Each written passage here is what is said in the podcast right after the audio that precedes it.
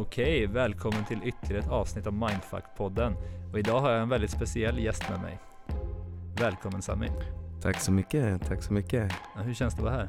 Alltså det har varit väldigt spännande. Jag har varit väldigt taggad och eh, nervös också. Det är första gången jag poddar. Så det är väldigt kul att vara här. Ja men härligt att jag får liksom pop the cherry som man säger. Verkligen, verkligen. Jag är väldigt eh, glad för det. Kul, kul. Mm. För vi möttes ju, alltså snarare vi hamnade bredvid varandra på en middag för, ja vad kan det ha varit, en månad sedan? Ja, något sånt. Och eh, jag gillade din approach när jag kom in i den lägenheten. Och att du liksom direkt säger, vem är du? Eh, vad är dina drömmar? Vad är ditt syfte? Ja, inte helt så, men liksom, du Ja. skippade det här. Ja men det var lite kallt idag. Ja, vi, du ville verkligen säga, vem är du? jag ville veta Typ såhär, låt oss inte typ såhär, kasta bort någon tid. Vi bara går in på det direkt. exakt. Jag vill, jag vill prata djupt direkt. Jag vill komma in i vem personen är. Vem ska jag sitta bredvid här på middagen? Jag vill inte, jag bryr mig inte om vädret, trafiken eller ytliga saker. För det finns ju en plats för small talk, men Mm. det är väldigt lätt att det blir för mycket small talk i ja, sociala sammanhang. Verkligen. Jag tycker vi har det väldigt mycket på våra jobb och våra andra ställen som vi är på. För att vi måste kanske, eller vad man vill kalla det. Så att då känns det skönt att bara komma på en middag där vi bara liksom, vilka är vi? Jag tycker, det, jag tycker det var jätte så här, uppfriskande. För det där med jobb, det är ju det är ju liksom satta strukturer och man vet liksom inte För det är ju någon som, om man nu jobbar hos, hos någon då, så Mm, man får ju betalt för att vara där. mm, Och man vill liksom inte så här, trampa, gö- göra ett övertramp eller Nej. typ säga någonting. Man är lite, lite osäkerheter. Och man har inte heller de där kanske öppna samtalen. Att liksom, vet du vad? Här är vi trygga. Vad, vilka är ni? Vad vill Nej. ni? Det här är Nej. jag som ledare. mm. Nej, men det, det är lite så här, hur många kollegor anser du vara vänner? Bra, bra vänner. Liksom, bara man tittar omkring så ofta är ju verkligen, delar man upp kollegor och liksom på jobbet och det privata livet. Så att det, det är väldigt intressant. Jag hörde en podcast idag faktiskt. Mm. Där en person rekommenderade att om du är ledare och ska typ, säga att du har ett bolag. Mm. För han pratade till en eh, person som hade en podd där lyssnarna främst drev sig småbolag. Mm. Istället för att bara hyra liksom en, ett konferenscenter. Ja, men åk iväg och typ hyr en Airbnb och gör övningar där ni verkligen så här connectar på djupet. Typ laga mat ihop. Kanske ha liksom någon typ av workshop eller vad det nu är. Liksom. Mm. Låter som en bra ledare faktiskt. Det, han skulle jag vilja ha som chef. Ja, men han, förhoppningsvis så kommer han dyka upp på podden också Ah, om nice. inte allt för länge så jag är väldigt taggad över det. nice, okej. Men nu ska vi fokusera Ah, på det här Vi samtalet. kör, vi kör. Mm. Eh, jag har tänkt lite på så här, hur ska jag börja det här? För vi har egentligen enbart mötts en gång och vi har snackat telefon också. Ja, ja. Och vi har ja, bara bra tugg. Mm. Och vi snackade lite om det innan. Det vore intressant att men liksom börja med din resa. För att jag vet att du och din fru, Janina, eller? Mm. Ni har ju skapat någonting, ett koncept eller ja, coaching. Ja, det, du får berätta mer om det sen. Men det är ju en Mm. typ av koncept som är, är det urban healing? Urban Healing heter vårt företag ja. Och det ska vi definitivt snacka mer om. Ja. Men för lite så här uppbyggnad och kontext Mm. så kan vi väl egentligen börja med hur du kom hit. Och Det är en bred fråga men ta det Mm. steg för steg som du känner att liksom, du vill dela med. Alltså mm, resan hit som till Urban Healing började väl för sju, åtta år sedan. Och det var ju i samband med att jag eh, kom ut ur en destruktiv relation och eh, där började liksom känna det här att behöva ta ansvar för vad jag har varit med om, vad jag har skapat i den relationen och vad jag har gjort. Och då kunna ta mig ur det. Och vad var det som jag hade skapat? Och tack, eh, alltså på grund av det så kände jag ju då att jag, jag behövde vara ärlig mot mig själv. Och det var en jobbig grej. Att verkligen sluta ljuga för mig själv och för de liksom, människor runt omkring mig. Och där började en process, en läkningsprocess av att vara 100% ärlig. Liksom att ta fullt ansvar för mitt liv och vad jag gör och vad jag skapar runt omkring mig. För jag ville inte skapa en negativ känsla för min familj och för mig själv. Först och främst. Alltid först och främst för mig själv. För det har jag märkt är det viktigaste. Liksom. För att om inte jag mår bra så kan jag inte få någon annan att må bra egentligen. På djupet. Så att det, där startade det. Men eh, om du tänker på att det var vis, hur det startade från riktiga början så kommer jag från en väldigt trasig barndom. Där, eh, där vi hade en, hade en biologisk pappa som, som var väldigt taskig och han även försökte mörda min mamma. Så jag har sett min mamma bli knivhuggen av, av, eh, av eh, min biologiska pappa. Då. Och eh, sen själv varit, haft umgänge och blivit misshandlad. Så det här lilla barnet var väldigt argt väldigt länge. Väldigt länge. Och det, det skapade en glad yttre pojke men insidan väldigt trasig. Så jag kunde vara väldigt ensam i, i liksom, bland människor har jag alltid känt mig väldigt ensam.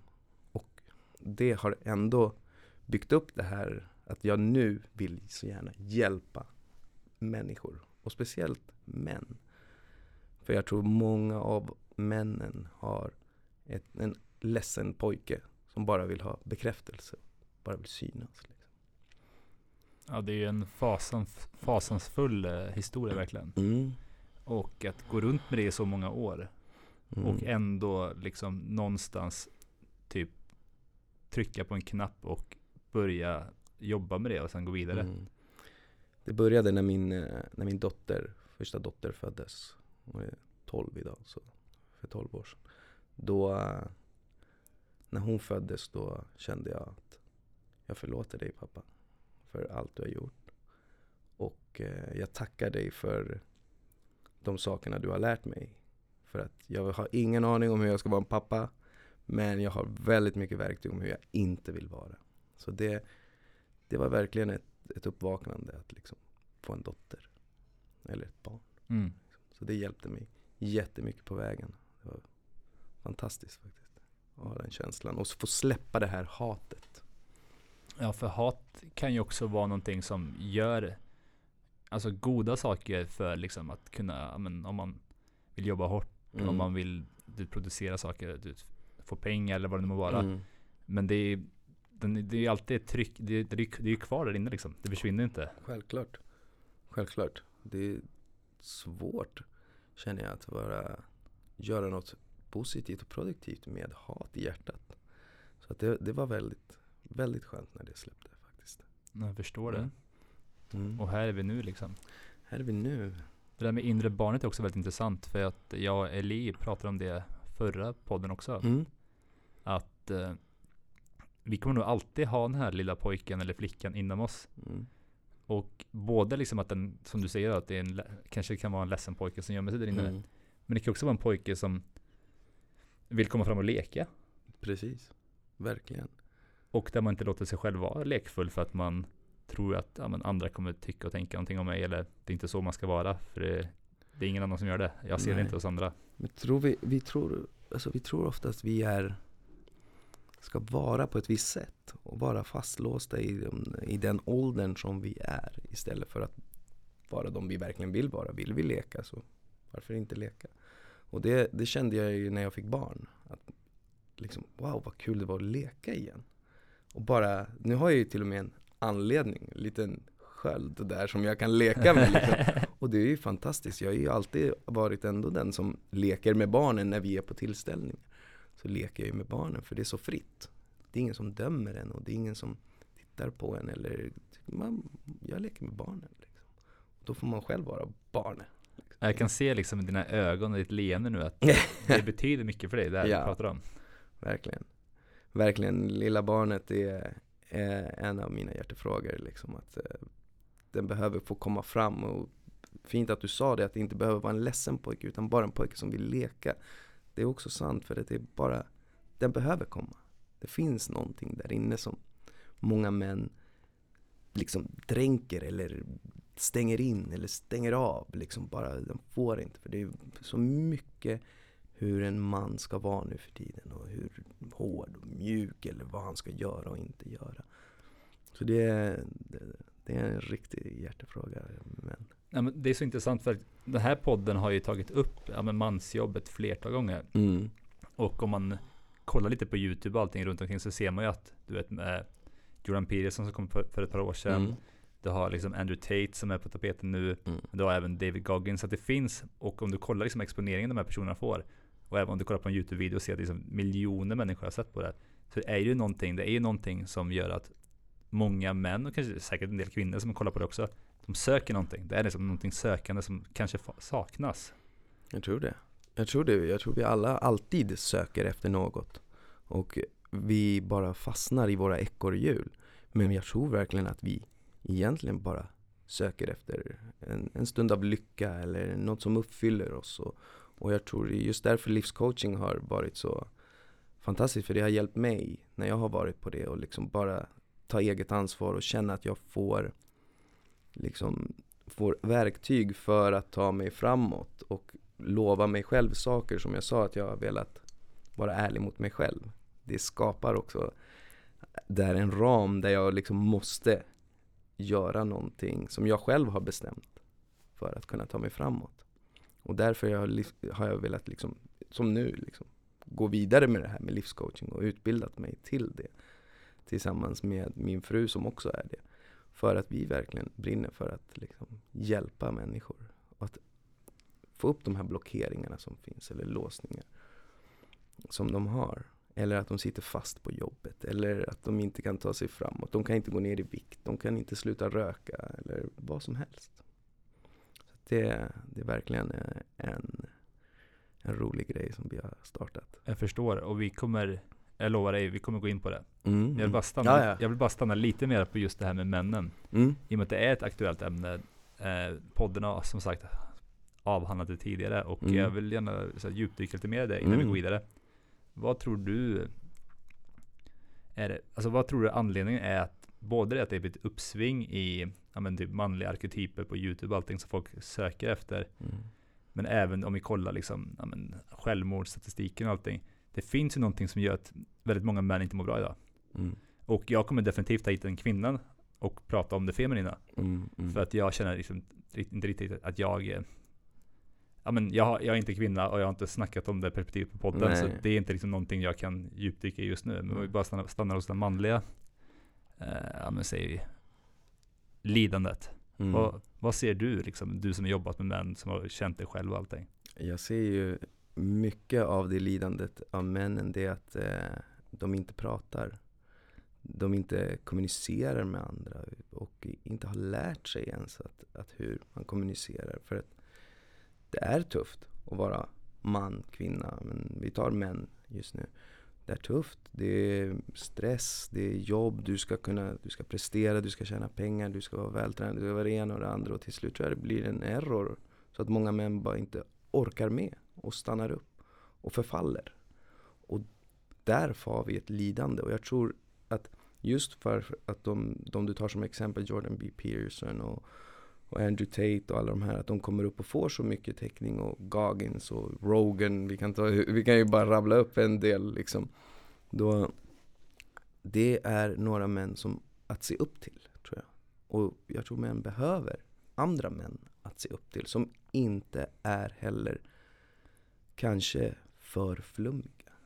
Eller för liksom något annat, utan något de kan relatera till. Och det, jag, jag tror det ligger något i det.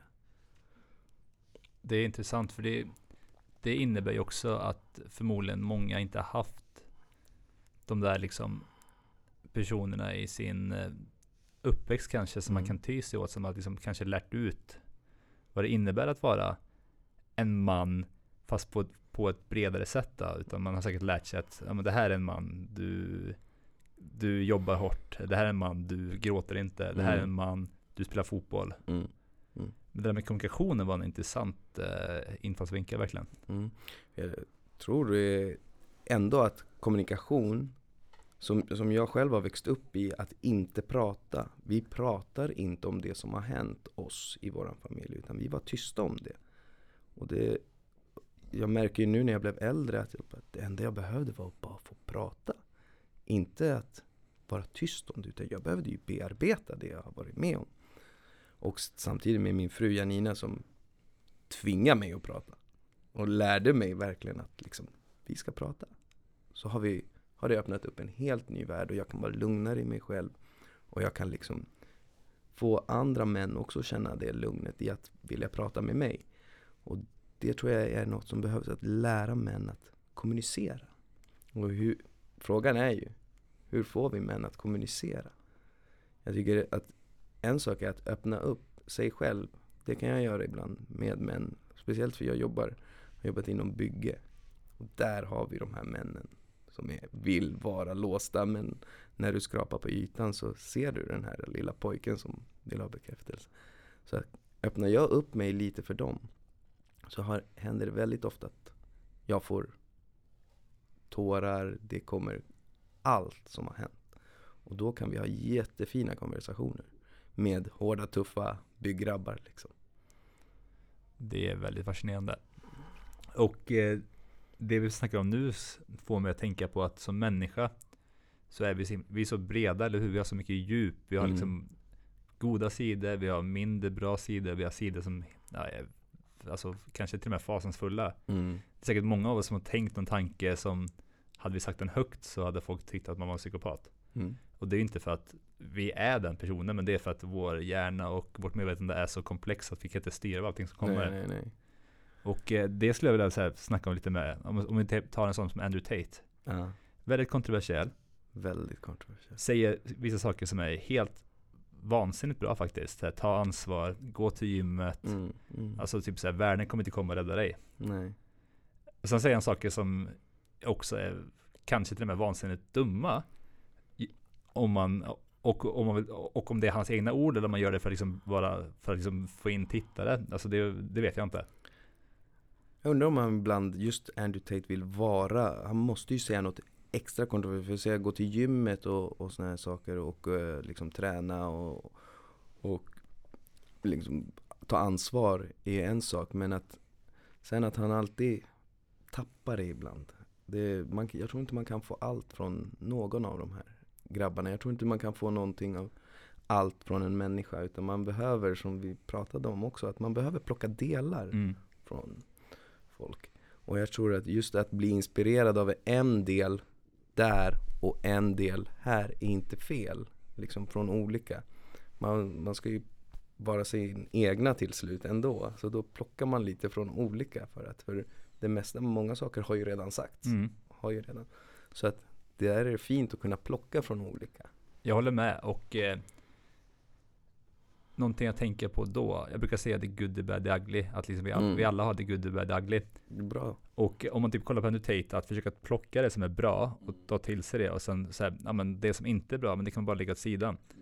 Det svåra, jag, jag gillar inte att säga svårt egentligen, utmanande mm. för oss alla, det är ju att faktiskt komma till den punkten där man kan plocka, plocka russinet, kakan, och sen bara skippa det andra för att någonting som man säger kanske triggar en så pass mycket så att man bara totalt avfärdar det. Mm. Man hoppar på ett hate train liksom. Ett, ja. ett hate, alltså, ja. Cancel liksom. Exakt. Och det är ju inte, det är inte bra det heller. Och där är ju igen jobbet med oss själva. Att kunna liksom försöka distansera oss från the bad and the ugly. Mm. Och plocka det bra. Jag tror det är svårt. Det är jag tror det är svårt. svårt. Jag tror det är väldigt svårt att inte dras med i hela den grejen. med just Andy Tate är väl, som, som sagt, att han är kontroversiell. Det är svårt att bara plocka det bra utan att du ens blir matad med det här dåliga som han säger och det mindre bra liksom. Och då, att det inte fastnar. Så att eh, det, är, det, är väldigt, det är en konst.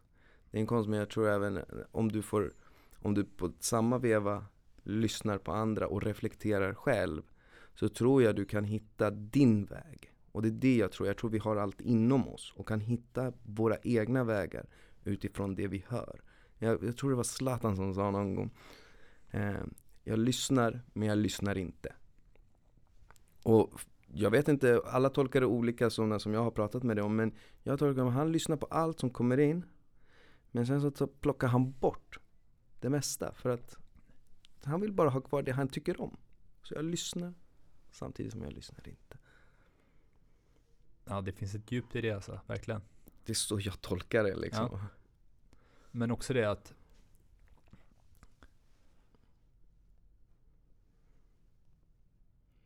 Nej, alltså bra sagt, verkligen. Um, nej men Zlatan, ja men det, okay, det, jag ville, det jag kom på nu är att många människor som har gjort så här stora saker, blivit kända, blivit förmögna, gjort avtryck i, alltså både nu och historien, är ju oftast kontroversiella. Såklart. Såklart. Tror inte en Tror du att en, en vanlig människa som går till jobbet och inte vill göra något mer kommer nå den punkten av liksom enlightenment eller känna sig liksom större eller vilja, vilja synas liksom på det sättet? Undrar om det, det måste, du kommer att bli kontroversiell för du kommer inte kunna vara älskad av alla. Och det är väl det att vara bekväm i att vara obekväm och vara bekväm vid att folk inte tycker om dig. Alla kommer inte tycka om dig. Det, det, jag tror inte det finns en enda person i världen som är känd och är liksom framgångsrik på något sätt som, som är älskad av alla. Det, jag tror det är väldigt svårt. Och det finns någonting väldigt modigt också på ett sätt att faktiskt sticka ut om man tror på det man sticker ut med. Mm. Mm. Och eh, inte bara det, men att liksom våga gå emot flocken. Att, jag tror Mark Twain sa det nu kommer jag kannibalisera hans eh, citat, men någonting mm. att när, när han såg flocken så gick, gick han åt andra sidan. Eller, eller om det var ett quote, när du ser flocken, gå åt ett håll. Uh. Typ gå åt andra hållet. Uh, precis, precis. Det är lite döda fiskar. Det är bara döda fiskar som simmar med strömmen. Quoten. Touché. Uh. Nu kanske någon blir triggad där ute när uh, ser det här. Ja, men vadå? Vi, vi alla har nog simmat med strömmen många gånger. När vi egentligen kanske borde gått åt andra hållet. När vi egentligen, magen, intuitionen, allting säger att vi ska gå åt andra hållet. Men ibland är det lätt, ibland är det kanske det som är rätta och ibland kanske vi gör det utav rädsla och utav massa olika känslor som vi kan ha. Så jag tror att, eh, att simma med strömmen inte är fel alla gånger. Absolut inte. Så att eh, är, det är ändå någonting stort med att kunna våga simma emot. Eller dra sig från flocken. Att det, det, är där vi, det är där vi försöker vara. Det är där vi också försöker göra. Är, du gör det med din podd också. Det är inte bara att göra det. Bara att liksom sticka ut hakan och ställa sig och göra en podd. Jag gör det med att vara livscoaching. Liksom vad, vem säger att jag kan vad har jag till, liksom, eller vad har jag att bidra med? Vad kan jag hjälpa med? Det, vad, många sådana spöken går igenom mig också. Att det liksom, okej okay, vad kommer folk säga nu? Vad, vad kommer folk tycka? Vad, vad, kan jag ens hjälpa med? När jag egentligen vet att jag kan hjälpa till med jättemycket. Jag, jag känner den styrkan att jag har den. Men man tvivlar på sig själv ibland. Mm. Och det är också där jag får tid att reflektera. Det är där man kan reflektera också. Och gå tillbaka till sig själv och få ny styrka av de verktygen man har. Ja men verkligen och eh, du sa det själv för kanske en minut sedan. Mm. Att vara bekväm med att vara obekväm. Ja. Det kan ju du någonting om. Mm. Jag menar, jag menar din morgonrutin är rätt crazy. ja min morgonrutin. Ja det, den, den startar ju tidigt som fan alltså. Den är 04 mellan 04.10 och 04.30 går jag upp och då, då kör vi ett isbad på en gång.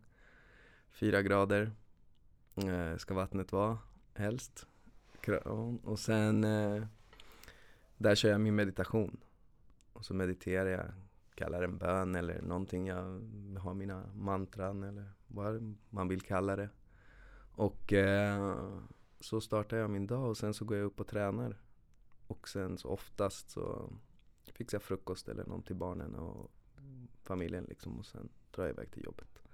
Så då har jag startat min dag liksom. Ja, du är ju my type of guy liksom när det kommer till mm.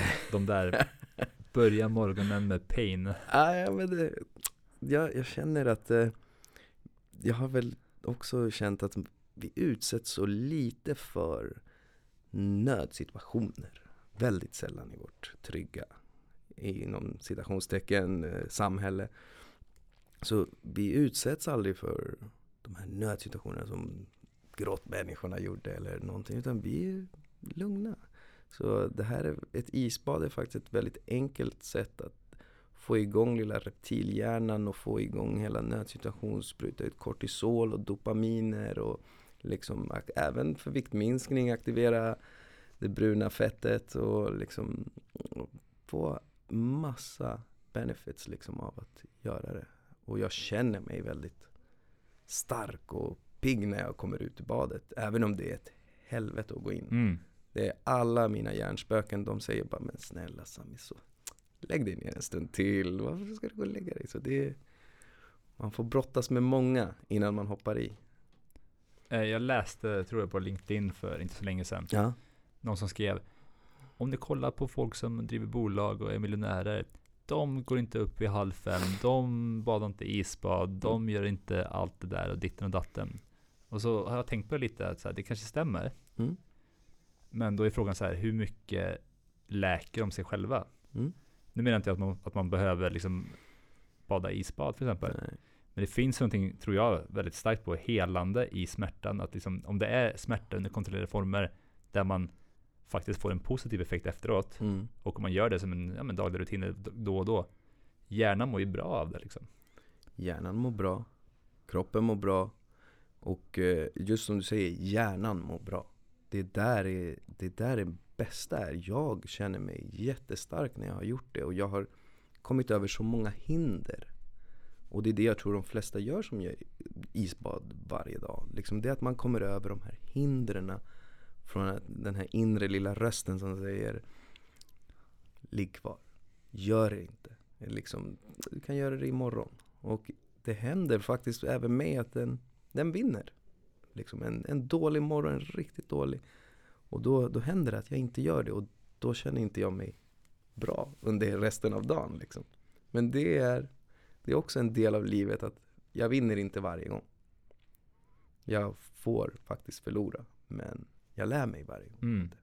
Ja, för det, det som du säger, det är ju väldigt överförbart till egentligen hela livet. Mm, Det du gör i en, ett kontext mm, kan sedan överföras till ett annat. mm, Och då liksom så här, kroppen, kroppen är ju helt fin med att gå ett isbad. Mm.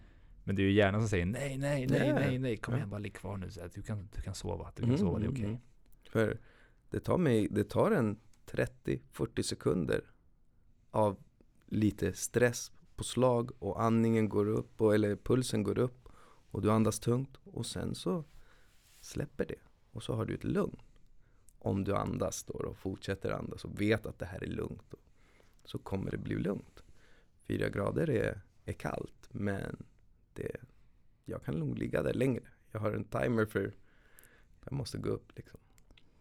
För jag menar, om man kollar på vårt samhälle med, liksom, ja, med, höga, med höga halter av depressioner, Mm. många som använder antidepressiva. Och nu ska inte jag förminska det på något sätt alls. Mm. Men det är en aspekt. Så kan vi kolla liksom, hur mycket allergier vi har. Mm. Och det bara ser ut att öka. Sjukdomar. Mm. etc. Och så kollar man liksom på ett land som Sverige. Okej, det är väldigt rent. Mm. Vi är väldigt noggranna med att typ, tvätta händer och allting, vilket var perfekt under corona, vilket är bra för liksom så här, få ner vanliga sjukdomar. Som man kanske typ eh, sliter med sig i Indien. Mm. Men det finns ju en punkt där jag tror att det blir för steriliserat. Självklart. Och det kommer gå in i, i kroppen. Det kommer göra att, att vi blir mindre immuna mot eh, ja, men, virus och allt annat. Och, och även då bli mindre alltså, resistenta mot stress, mot Mm. lidande, mot jobbiga saker också. Verkligen. Ja, och jag tror att även det skapar ju att, att liksom vi har ett lugnt, inom citationstecken, att det är lugnt och vi har tryggt. Vi skapar som en falsk trygghet. Just det här med träning som, och isbad och utsätta sig för, som du sa, kontrollerade riskfyllda situationer. Hjärnan vet inte skillnaden. Kroppen vet inte skillnaden på att det är en kontrollerat, du har planerat det här. Utan den känner ju fortfarande av och sätter igång alla processer som den behöver göra för att liksom fight or flight. Så att det, det är den jag vill komma åt ibland. Det är den jäveln. förut höll vi på lite med Wim Hof. Metoden och andningarna. Och där är det ju också för att sätta igång den reptilhjärnan och, och hålla andan och det här. Det, var ju, det är ju en fantastisk andningsövning tycker jag. Den har gett mig jättemycket känsla av så här att jag klarar av saker. För vi kunde, eller jag kunde hålla andan i så här utan luft i lungorna. Du vet, har du gjort det Hof? Absolut. Ja. I liksom fyra fem minuter. Och jag har aldrig trott att jag kunde hålla andan i fyra fem minuter. Det var, det var ju omöjligt. Det går ju inte. Så att det, det, det finns processer i kroppen som är fantastiska. Ja, för det, det är också någonting magiskt när liksom det blir, när man går igenom någon, ja men säg då kallbad och Mm. hjärnan bara stoppar och Mm. man faktiskt sitter och det blir ett lugn. Så det liksom Mm. blir att det blir motsatt effekt mot det man började med. Att utan här, nej, nej, gör det inte, Ja, gör det inte. Ja. Och eh, innan vi går vidare, jag har liksom pluggat Andrew Huberman mycket. Men för er Mm. som faktiskt vill ha en vetenskaplig eh, touch på det vi snackar om nu kan gå Mm. in på Huberman Lab på YouTube. ja. Han är professor i ja, neuroscience på Stanford. Går igenom liksom kallbad, Mm. bastu, eh, ja, hur man Värme och kyla. värme, kyla, hålla andan, Mm. träning etc. Och då kan man faktiskt få en utläggning på att det är mer och mer studier som kommer ut nu och visar att det här är någonting vi behöver. Mm. Science-based tools for everyday life. Och det ser fantastiskt ut när man kan liksom, när liksom vetenskap, ens egen upplevelse och även om man nu vill kalla det spiritualitet, när de här Mm. börjar synka och man kan få liksom ett, de, de börjar gå in i varandra. Det Mm. tycker jag är väldigt fantastiskt. Ja, verkligen. För då blir det också bredare för mer människor. Exakt. Vissa behöver ju verkligen forskningen och att det ska vara backat av studier och det, det är fine. Jag håller med. Vissa saker vill man ha lite uppbackning på. Mm. Det, det är helt okej och jag tycker det just Huberman, han eh, debunkar väldigt mycket av myter och sånt som är sant, sånt som man tror på. Och det, jag gillar också Huberman. Så Men- shout-out till Huberman. Shout out to Andrew Huberman. Han är grym. Men nu är det ju dags att snacka lite urban healing. Urban healing. Yes. Yes, fantastiskt. Fantastiskt. Ja, urban healing, det är um, jag och min fru. Vi, eh, min fru, hon är den mest fantastiska människan på jorden. Ehm, och eh, hon är i 20 veckan nu, gravid. Gratulerar. Ja, tack så mycket. Halva tiden har gått, fantastiskt. Ehm, ja, vi startade um, ett företag för ett tag sedan. Den är, och eh, den heter Urban Healing. Och vi vill på den hjälpa människor. Det är vårt primära mål. Eh, det är att hjälpa så mycket människor som möjligt genom en holistisk livsfilosofi. Då. Och det, det integrerar ju både kropp och, och själ. Och eh, vi vill kunna, varför vi heter Urban också är för att vi vill ha det här holistiska som kanske är och de gamla metoder och allting men också i en modern tappning tillsammans då med, med livscoaching eh, och eh, även vi ska på en utbildning som är parrelationer och eh, min fru håller ju även på med mindfulness och eh, meditation coaching och sen är hon ju reiki healer och det är hon jävligt grym på. Hon är riktigt häftig. Jag ser hennes klienter, de, de får epiphanies varje gång. Så det är, jag är stolt över henne. Hon är en fantastisk kvinna. Så att um, det är det vi håller på med just nu och vi är i startgroparna så det är väldigt spännande. Det är mycket som händer med hemsidor och det ska byggas upp och Instagramkonton och, och även eh, så ska vi eh, då liksom utbilda oss klart och börja verkligen köra. Så det är väldigt mycket som händer just nu. Så att eh, väldigt kul och vi vill ju i slutändan ha vårt center där vi har kan hjälpa alla människor. Från orten till stan till företagsledare till eh, städerskor till allt. Så vill vi kunna hjälpa människor. Det jag tänker vore nice när jag hör det där är att typ, när ni väl har ett center på plats, Mm. eh, eller tidigare också, att eh, skapa, och även liksom grupper, att, att Mm. typ där ja, men folk från orten kan möta typ företagsledare, Mm. Där man egentligen möts bara som människor. Verkligen. Titlarna är borta, alltså bakgrunden är borta, etniciteten är borta, Allting är borta. allting är borta exakt. Mm. Och vi bara skadar av det där. Och då är vi ju, då är vi ju alla samma, mer eller mindre. Precis, precis. Och det är det som, som vi vill kunna ge eh, människor överallt. Liksom att ge dem tron på sig själva. Att de kan vara den de vill vara. Och liksom inte vara fast i den liksom, avataren de är just nu. Och det, är- det är något som vi, vi verkligen brinner för. Att kunna hjälpa människor. Att få vara de de vill vara. Och det är där våran resa också har kommit till att vi, vi vet vad vi vill vara. Vi ska bara nå dit liksom. Och, eh, och hur når man dit? Det är ju det. Man vet, det finns ingen rätt eller fel väg utan man testar sig fram. Man testar sig. Min, min morgonrutin är uppbyggd på, den tog mig tre år. Och den är fortfarande i utveckling. Den, den utvecklas hela tiden. Så att det finns egentligen, målet är att kunna vakna upp och känna, göra det man vill göra. Hur hjälper vi bäst idag? Hur är min känsla idag? Hur mår jag? Till en början. Hur kan jag hjälpa dig, Johan, bäst idag? Ja, det låter väldigt spännande Mm. faktiskt. Jag gillar verkligen det där också. Att eh, ni vill vara en, liksom, en knutpunkt för människor från liksom, all walks of life. Liksom. Mm, mm, verkligen. Ja, jag, blir bara glad, jag tänker på Ja, jag det. Det, det. det är så nice, det är så, det är så kul att uh, vi verkligen är, har kommit igång mer och, och min fru har precis gjort uh, reiki healing på uh, några stycken i helgen och de, de historierna är fantastiska. Liksom det som sker, de processerna som startar och det som händer och det hon ser och, och det de bekräftar är helt fantastiskt. Vill du förklara vad reiki healing är? Jag, jag vet faktiskt inte vad det är. Reiki healing, så som jag förklarar, det är en universell energi som finns överallt. Och eh, en reiki healer är då bryggan mellan den universella energin och den personen som då ligger där och får healing. Och det görs med hjälp av handpåläggning. Och då kan hon då se och känna vad den här personen har liksom för ont eller för för tankar eller har för rädslor, smärtor. Ibland kommer det någon, ibland gör det inte det. Det, det är en väldigt speciell energi som, som finns. Då. Det är så jag har fått det förklarat. Liksom. Jag har, jag har liksom fått det från min fru. Och om någon lyssnar där ute och tycker att det låter intressant, hur kan man komma i kontakt med din fru? Det kommer kom- också komma i beskrivningen, men det Ja. vore nice att bara höra dig säga det också. Ja, det lättaste just nu är att DMa henne på janina.alexia på Instagram. Janina med Y. Så att eh, där är hon nog som bäst just nu. Kul, då ska jag länka det i beskrivningen Mm. också. Mm. Häftigt. Ja, det, är så, det, där, alltså det är så intressant det där med det vi snackar om.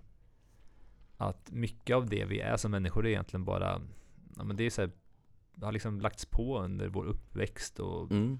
vilka vi har hängt med, vilka som har liksom har uppfostrat oss, Mm. eh, vilka skolor vi har gått på. Eh, och det är klart, det kommer alltid vara så. Det är en del av den mänskliga upplevelsen att Mm. man hittar eh, sina grupper beroende på vart man är någonstans. Men idag känner jag liksom att det finns, det går att gå utanför det där. Mm. Vi har liksom alla möjligheter att ta ett steg ut från våran in-group och gå till en, en ny väg, hitta Mm. nya människor. Mm. Mm. Men inte det också, kan det också göra en motsatt effekt? Att vi har så mycket att välja på.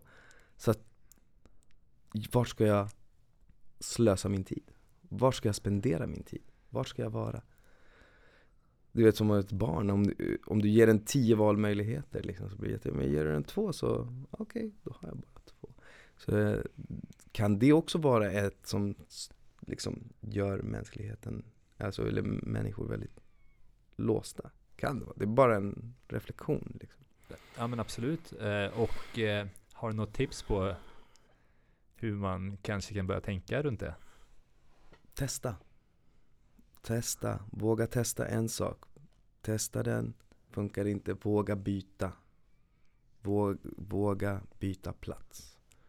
Det, det är det jag tror mest. Att inte stanna för länge på en och samma plats av det du gör, av din hobby, ditt jobb eller vad, vad det än är. Liksom, testa saker där du testar dig fram. Men Sami, då kan man inte bli specialiserad på någonting. Jo men det är det du kan när du väl hittar det. Då. När du väl hittar det. Kaching! Men du, du, ska ju, du ska ju testa dig fram till din passion, är det Ja. inte det som är grejen liksom? Om inte det här var din passion, du, då, då lägger vi ner liksom efter ett tag. Du kanske gör hundra avsnitt och känner nej, av din podd liksom, och sen känner börjar bli tråkigt. Vad gör du då? Vad jag gör då?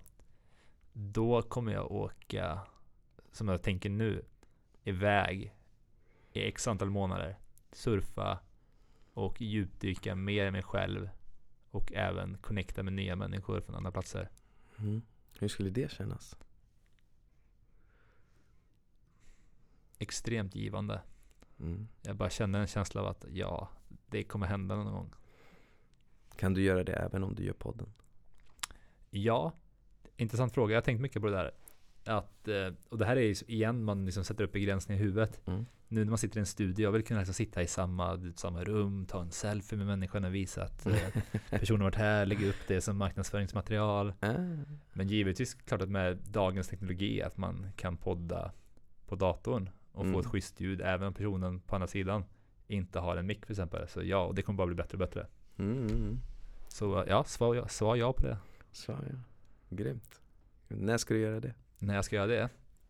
Eh, jag hoppas att inte min chef lyssnar nu men, Nej, men det, det ligger absolut eh, inom en ganska snar framtid hoppas jag.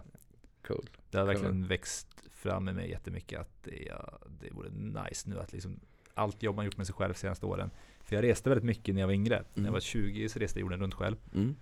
Eh, när jag var 22 så reste jag också Då reste jag med, först själv, och, eh, först med en kompis, sen lite själv också. Eh, och det var nice, men du vet jag hade inte det här fundamentet att stå på. Nej, nej, nej. Jag hade inte den här tryggheten, så jag kunde inte ta in det, utan det var så här, oh shit, eh, ska man gå på det där hostelet? Ska man åka till, till det stället nu? Ska man Mm. gå på den festen? Nu är det ett pub crawl, okej nu är jag bakfull, oh shit, nu känner jag mig ensam. Ah. Och det var intressant, en bra, liksom, bra lärdom. Men nu känns det som att man är kanske lite tryggare. Det vore nice att så här, utforska det på, liksom, när man är äldre. Men hur trygg behöver du bli för att kunna ta det steget? Får jag lite life coachning nu? ja. Live, life coaching. Live på Mindfuck-podden, älskar det. Eh, nej men det är väl egentligen att eh, någonstans att man eh, inte behöver men, ja, men landa lite i om det känns rätt här och nu. ja. För jag har en tendens att eh, springa på saker. Mm. Du vet såhär, the, the, the next shining object. ja, just det. Okej nu poddar jag men det där ser rätt nice ut. Typ spela in videos eller Ja. typ ska vi, ska vi inte gå på den där eh, festivalen där? Ska vi göra det? Ja, ja. Att liksom, för, ja men det vore nice att bara grunda sig lite och låta liksom se om, men lägga det som ett frö i kroppen. Grunda sig lite och se om fröet, fröet faktiskt växer sig större. Hur länge har du tänkt på det då? Att eh, göra den eh, resan, surfingresan med podda samtidigt och hela den. Podden är ju ett nytt inslag. Mm. Mm. Eh, en rejäl surfresa har ju legat i alla fall ja, men senaste två åren. Mm. I och med att jag, när jag pluggade så surfade jag typ ja, men varje vecka. Så då hade jag inte ett stort behov av det. Mm. Coolt. Så ja, vi, det, det finns där. Mm, okej. Vad är nästa steg då? Vad nästa steg är? Mm. Det är att eh, göra klart de grejerna jag har som ja, nu, jag är inblandad i en del projekt som kommer ja, få sin, eh, sin upplösning i juli. Mhm. För det, ja, men det, är så här, ja, men det är häftigt, det, det behöver jag fokusera på. Okej, okej. Och sen så låta typ hösten komma och se hur det känns då. Så till vinter. Ja, inte alls omöjligt. Det är till vinter. Nice. Så skulle ett live coaching samtal kunna se ut. Liksom. Och sen eh, egentligen att vi skulle gå mer djupare in i känslorna och hur eh, du verkligen tänker inför den här resan. Eller rädslorna eller tryggheten för vad är trygghet? Mm. Liksom, vad innebär trygghet? Jag skulle vilja att du definierar trygghet, ordet bara. Absolut. För att för mig, jag, det är jättesvårt att liksom coacha någon med vad jag tänker om trygghet. Jag har ju min syn och definition av trygghet, men det viktiga är ju vad du har för syn, eller vad den som står på andra sidan har för syn. Och om jag nu ska definiera det. Mm. Ja, men jag tyckte om det du sa, att vara trygg, trygg i att vara otrygg. Mm. Det var inte helt de orden du sa, jag kommer inte vara helt, helt Bekväm. bekväm Mm. med att vara obekväm. Mm. Det är någonting som jag ja, jobbar väldigt mycket på. Mm. Och jag gillar verkligen den. Mm. Att liksom kunna stå där och ta in hela upplevelsen. Igen, the good, the bad, ugly. Mm. Ehm, det för mig är en trygghet att kunna vara trygg i sådana situationer. Verkligen. Och acceptera att där man är just nu, säg att man är på ett hostel, okej nu känner jag mig lite ensam, jag borde egentligen vara i Sverige och eh, eh, jobba på någonting Mm, som kan mm. ge mig, ja men säg en monetär alltså belöning säger vi. Mm. Att kunna vara trygg med det. Att jag är här för att jag har tänkt på det här, valt det här. Låt oss bara sitta och observera just den här biten och inte gå in i för, för djupt i varför det är jobbigt. Utan bara observera att just nu är det jobbigt. Mm. Vara bekväm i det. Ja. Det är faktiskt väldigt intressant för att eh, hur att, att vara bekväm i att vara obekväm är väldigt svårt. Men jag tror jag också är väldigt nödvändigt. Speciellt i, i saker som man verkligen brinner för. För det kan vara saker som man inte vill misslyckas med heller. Och som blir obekväma för att det är kanske första gången eller något sånt där. Så det är väldigt, väldigt, tror jag, viktigt att vara bekväm i, i obekvämligheten. Mm. Och um, det skulle vara väldigt intressant då att så här, som din trygghet att ena sidan är det att du vill kunna vara trygg i att sitta i hostlet där och, eller inte hostel eller vad som helst än att ha den här monetära belöningen. Så att, att switcha den tryggheten i att vart, vart finns min trygghet i mig själv? För det är väl den vi till slut söker. Mm. Tryggheten i en själv.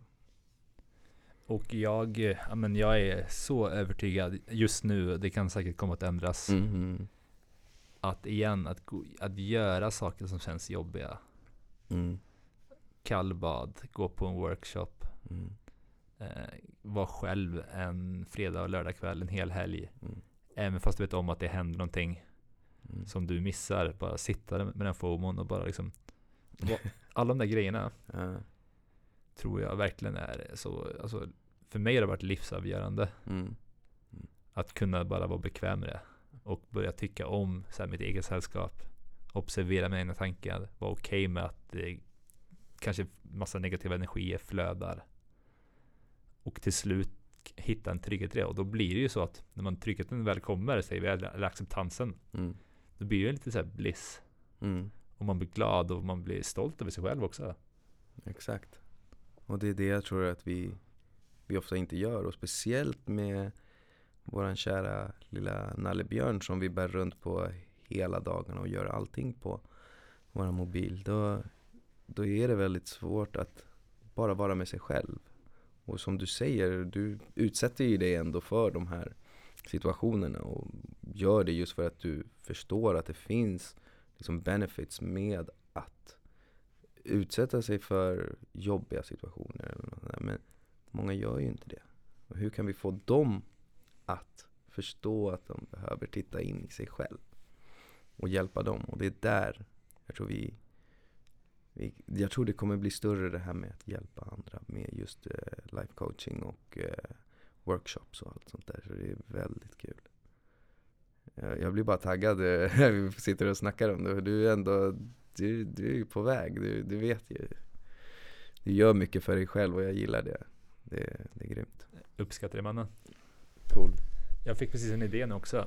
Yes. Eh, Du, det hade varit nice att se dig göra typ poddar där du coachar andra människor. Mm. Coolt. Jag ska bara få den människan också, den andra personen att vilja vara med i en podd Absolut. där den eh, Ja, men jag kan eh, definitivt, eller jag vill definitivt komma på det. 100 procent. Jag, tror, jag tror det finns någon, om det är Alexander Holmberg, om det är så Alexander coach eller någonting. Eh, Så jag tror att han har kört, eller kanske fortfarande kör, några sådana segment Mm. på en podd. Cool. Jag har inte sett någon, men jag har sett typ att Navid Modiri och några andra varit där. Och det är ett, ett intressant koncept. Då har vi en, en date alltså. Absolut. En live life coaching. Självklart har vi det. Cool, cool, cool. Så det kommer också vara nice att, eh, jag har ju skapat så här kapitelindelning, bara så ni vet. Mm. Att det om ni lyssnar på Spotify så kommer ni inte behöva lyssna på hela podden längre. Om ni inte Mm. vill det. Jag hoppas, jag vill att ni vill göra det. Mm. Men har ni dåligt med tid eller det är något, sekven, något segment som intresserar er mer. Är det bara att gå ner lite i beskrivningen så kommer ni se kapitelindelning och så bara trycka på det. Så kommer ni komma direkt dit i podden. Cool.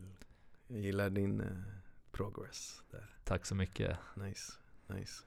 Jag gillar också din progress med eh, avsnitten från första till eh, de sista. För jag har lyssnat de flesta avsnitten. Ja, uppskattar det. Det är, det är grymt. Kul. Modigt. Modigt. Ja men alltså de första avsnitten, alltså jag tror att jag, jag redigerar bort ganska mycket. Mm. För du vet, man sitter där och så lyssnar man på sig själv och åh nej, det där kan jag inte säga. Nej.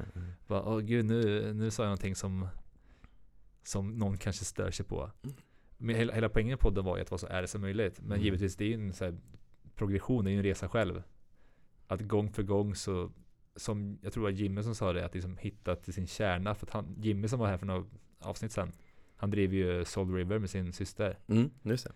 Och eh, jag, frågade, jag tror jag frågade så här, vad är den största lärdomen du har alltså, fått av podden? Mm. Det är att våga stå för det jag tycker och tänker. Just det. Och det tyckte jag var väldigt fint. Mm. Och det, och det, och det kan jag säga känna själv också. Verkligen. Verkligen. Jag, jag får mycket tankar när, när du säger så här, våga stå för vad man tycker och tänker. För det, det är väldigt svårt att säga det utåt. Och verkligen våga det. Och jag, jag känner att med, just med livscoachingen att det, det ger mig mer och mer får jag verktyg för att hitta mitt sätt att coacha på. För att jag är inte Kjell Haglund som liksom har lärt mig då hur jag ska göra och hur han gör. Jag är inte han. Men jag hittar, för varje gång jag coachar så, så hittar jag någonting som jag tyckte jag gjorde fel. Och då, ah, nice, då vet jag vad jag kan göra. Liksom, jag vill göra så här. Jag kanske tar ett snack med min, kommunicerar med min fru. Och vi bollar och liksom bara, men så här kan man ju fråga och så här kan man säga. Så att det, det är väldigt spännande att kunna känna den känslan att jag vågar liksom bli mer och mer mig själv och stå för det. Det här är så sätt jag coachar. Eller det här är sättet vad jag tycker. Liksom. Det, är- det är coolt. Det är väldigt coolt. Mm. Men också det att här, våga ha fel och Mm. våga ta kanske kritik om säg att en coachingklient bara, vet du vad Sami, det här var inte alls Mm. det jag hade hoppats. Eh, Ja, samma för mig då, så här, Johan, jag håller inte alls med om det du sa, så här, vad fan sa du det för? Nej, nej, precis. Och våga stå i det och så här, lyssna på personen och Mm. så här, okej, har personen rätt eller inte? Ibland så tycker man kanske att nej, det tycker jag inte. Men Mm. ändå att man försöker liksom bara så här reflektera Mm. och inte bara du vet, avfärda det direkt. Nej. Nej men det är ju det, är ju det bästa nu för tiden. Det är ju att hitta folk som inte tycker som en själv. Absolut. Jag tycker, alltså från att liksom varit helt tvärtom. Nu känner jag att verkligen så här, jag vill helst prata med folk som bara inte tycker som jag. Så vi kan bara ha en, en konversation. Men samtidigt är det väldigt svårt att hitta den personen som vill ha den konversationen på samma sätt som jag. Att säga, åh vad kul att du inte tycker som mig. Mm. Låt oss prata. Jag hade ju det i ett avsnitt som jag inte släppt än. Mm. Där jag och eh, Ryan, det är, det är min andra engelska episod. Mm. Vi kom in på meningsskiljaktigheter på slutet. Ja. Tyvärr så fanns det inte tid och rum att djupdyka det särskilt Ah, mycket. okej. Så man kommer få liksom en sista kanske typ fem minuterna tror jag det är. Så kommer vi ja, kanske inte hålla med varandra. Mm. Och jag har sett det också i andra avsnitt av podden att det fanns luckor att kunna liksom ifrågasätta eller liksom så här, ja. säga emot. Men jag har egentligen bara släppt det. Ja. Det är någonting som så här, ja, men jag är medveten om också. Mm. Att jag försöker ta hit människor som inte tycker och tänker som jag. Ja, precis. Precis. Och att man då sen när man går tillbaka i eftertid, att man kunde, man kunde okej men där kunde jag gått in mer på det. Istället för bara liksom så här försökt liksom hålla upp en bra fasad och typ hålla med varandra. Verkligen. Det kommer. Det kommer absolut. Ja. det, det, är också, det är också ett mod att våga göra det och stå upp för det man liksom säger och göra det så här live liksom. Vad tror du vi inte håller med varandra om då? Oh, jag vet inte än. Vet inte än. Vi har haft ganska bra, vi har klickat väldigt bra på många plan. Men det kommer. Det kommer Ju säkert. djupare vi lär känna varandra så desto mer, mer kommer. Definitivt. Så det, det är jäkligt kul. Det har, verkligen. För jag tror ändå att meningsskiljaktigheter, de, speciellt med en så här nyfunnen så här vänskap så, så kommer de med, med tiden. Jag tror det kommer med tiden och man hittar och man börjar känna på varandra på olika sätt. Och liksom, man blir mer sig själv också ju längre tiden går. Så att eh, då är det då när man väl vågar stå för vad man tycker och tänker mellan varandra så, så så kommer de. Definitivt. Jag ser fram emot att eh, diskutera någonting vi inte håller med varandra Ja, om. verkligen. Vi får leta.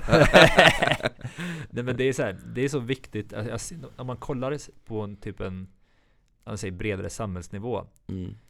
så, så är det ju väldigt många som inte håller med varandra givetvis. Det är, Mm. Men det är så lätt att man inte vill prata om det på ett konstruktivt sätt. För exempel när vi, när Navid Modiri på Hur kan vi? Mm. Det var ju liksom det han gjorde så extremt bra med den podden var ju att han tog dit människor som han inte höll med om. Ja, Och som väldigt många människor tyckte var kontroversiella. För att Mm. liksom, ja men så här, humanisera personen. exakt. Och sluta demonisera personen. Så han tog dit Jimmy Åkesson, jag tror Rickard, eh, han, Rickard Jomstorp. Mhm. Känner inte till. Ja, han som också är SD-are. Okej. Och det är personer som är väldigt kontroversiella. Mm. En- Enligt många. Men de, de är ju Sveriges näst största parti. Självklart ska de få komma och snacka om varför de är Sveriges näst största parti. Och vad de tycker och tänker. Mm. Och sen kan man hålla med dem eller inte. Men här, det är så viktigt att, att människor får en röst. För vi som sagt, gå tillbaka, vi är bara människor. Ja, verkligen. Verkligen, jag vill att alla, alla ska ändå höras. För det är då man kan förstå den personen, man kan förstå var den kommer ifrån och förstå vad den tycker och tänker kanske liksom på, på djupet. Så det, det, det är det. Det är verkligen att jag pratar med folk som man inte håller med om. Det tror jag också öppnar sinnet. Verkligen. För då kan man lyssna och lyssna inte också liksom som jag verkligen tycker om att göra. För, för om vi kollar på både nutiden och även historiska, säg riken, imperium. En av de största sakerna som säg då Hitler gjorde och även Stalin, det var ju att ta bort yttrandefriheten. Totalt bara slå liksom slint på det. här. Nej, det här är det vi står för. Det är det här vi tycker och Mm. tänker. Ni som inte håller med, alltså, ja, ni kommer få enorma konsekvenser för er själva och familjen. Mm. Och nu säger jag inte att vi har det i Sverige idag, inte alls, men om man, om man inte har en öppen dialog om saker så kan det faktiskt bli så att, säg att det blir en väldigt tuff ekonomisk krasch någon gång. Mm. Och det är ju ofta då så man ser att någon kanske kommer att ta makten. Just det. Och om man då här inte har haft den här dialogen och öppenheten sedan innan så blir det fort att, ja men då kanske den, ja men det nya styret Mm. gör samma saker som andra människor inom historien har gjort. Mm. Vilket ofta, alltså vilket alltid leder till jävligt negativa konsekvenser. Mm. Men då försöka sätta det där innan tror jag kan vara ett botemedel mot att någonting sånt kan hända. Tänker du då att det är liksom yttrandefrihet och att vi ska kunna ha en öppen dialog allihopa? Mm. Verkligen, det, det känns nästan som en utopi. Alltså, nu när man tittar just som det ser ut idag med, eh, med hur vi cancelar folk som säger någonting eller gör någonting. Vissa, vi- vissa med all rätt självklart men även väldigt många som blir cancellade för minsta lilla snedsteg liksom. Och det, det är nästan som att vi inte tillåter människor att ens göra misstag Mm. längre. Och det är väldigt svårt för utveckling att inte kunna göra misstag och våga. Det är, det är väldigt svårt då för en, eh, en människa att våga göra någonting och sticka ut med det när den känner att det här kanske kan jag bli cancellad eller kan det här, är det här för kontroversiellt? Och istället för att bara se det för vad det är Mm. och liksom tycka och tänka vad man vill om det. Så, så självklart finns det gränser men Absolut. Men jag tycker också så här att när man ser en person som säger någonting man tycker helt liksom bisarrt. Mm. Kan man ju också ställa sig frågan, är det hos mig det ligger? Är det jag som projicerar någonting Mm. hos mig? Mm. Och om man då inte tycker det, men möt personen. Mm. och prata för att jag lovar att någonstans kommer ni hit. Inte, inte i alla, alla Mm. fall. Det är klart det finns eh, Mm. cases där vissa personer inte går att ändra eller övertyga. Mm. Som kanske saknar empati eller vad, som, vad det än må vara. Men många människor som inte har dem, den fallenheten för just de bitarna vi precis nämnde. Kanske är öppen för att ändra åsikt. Mm. Eller så kanske personen faktiskt lär dig någonting också. Mm. Precis. Ja det är ju alltid, det är som du säger, man ska gå tillbaka till sig själv. Varför provocerar det här mig? Varför känner jag de här känslorna? Varför? Och det, det tror jag är, det är alltid att gå tillbaka till sig själv tror jag är det viktigaste först. Innan man börjar kasta ut saker och liksom spotta på folk och säga liksom vad man tycker och tänker om vad dens åsikt. Säga, känna efter, vad är det jag känner? Mm. Varför känner jag det här? Ställa frågor till sig själv. Det tror jag är en nyckel till att liksom få en mer öppnare dialog och mer kärleksfull dialog istället. Gå tillbaka till sig själv, gå tillbaka till kärlek. Mm. Jag tycker att det var en fantastisk avslutning på det här samtalet. Grymt, grymt. Och innan vi avrundar, Mm. är det några böcker, poddar, andra resurser som du skulle vilja ja, men, Mm. Alltså, delge dig av till lyssnarna? alltså jag skulle vilja ge Rikaste mannen i Babylon. En fantastisk bok. Vet inte vem eh, som skrev den. Jag, eh, som du sa, Huberman Lab. Vill man få, vill man få forskningsbaserade verktyg så är han en grym. Sen tror jag jag vill lämna med Bara du har makten att påverka ditt egna inre mående. Fint. Tack Sami. Tack så mycket Johan.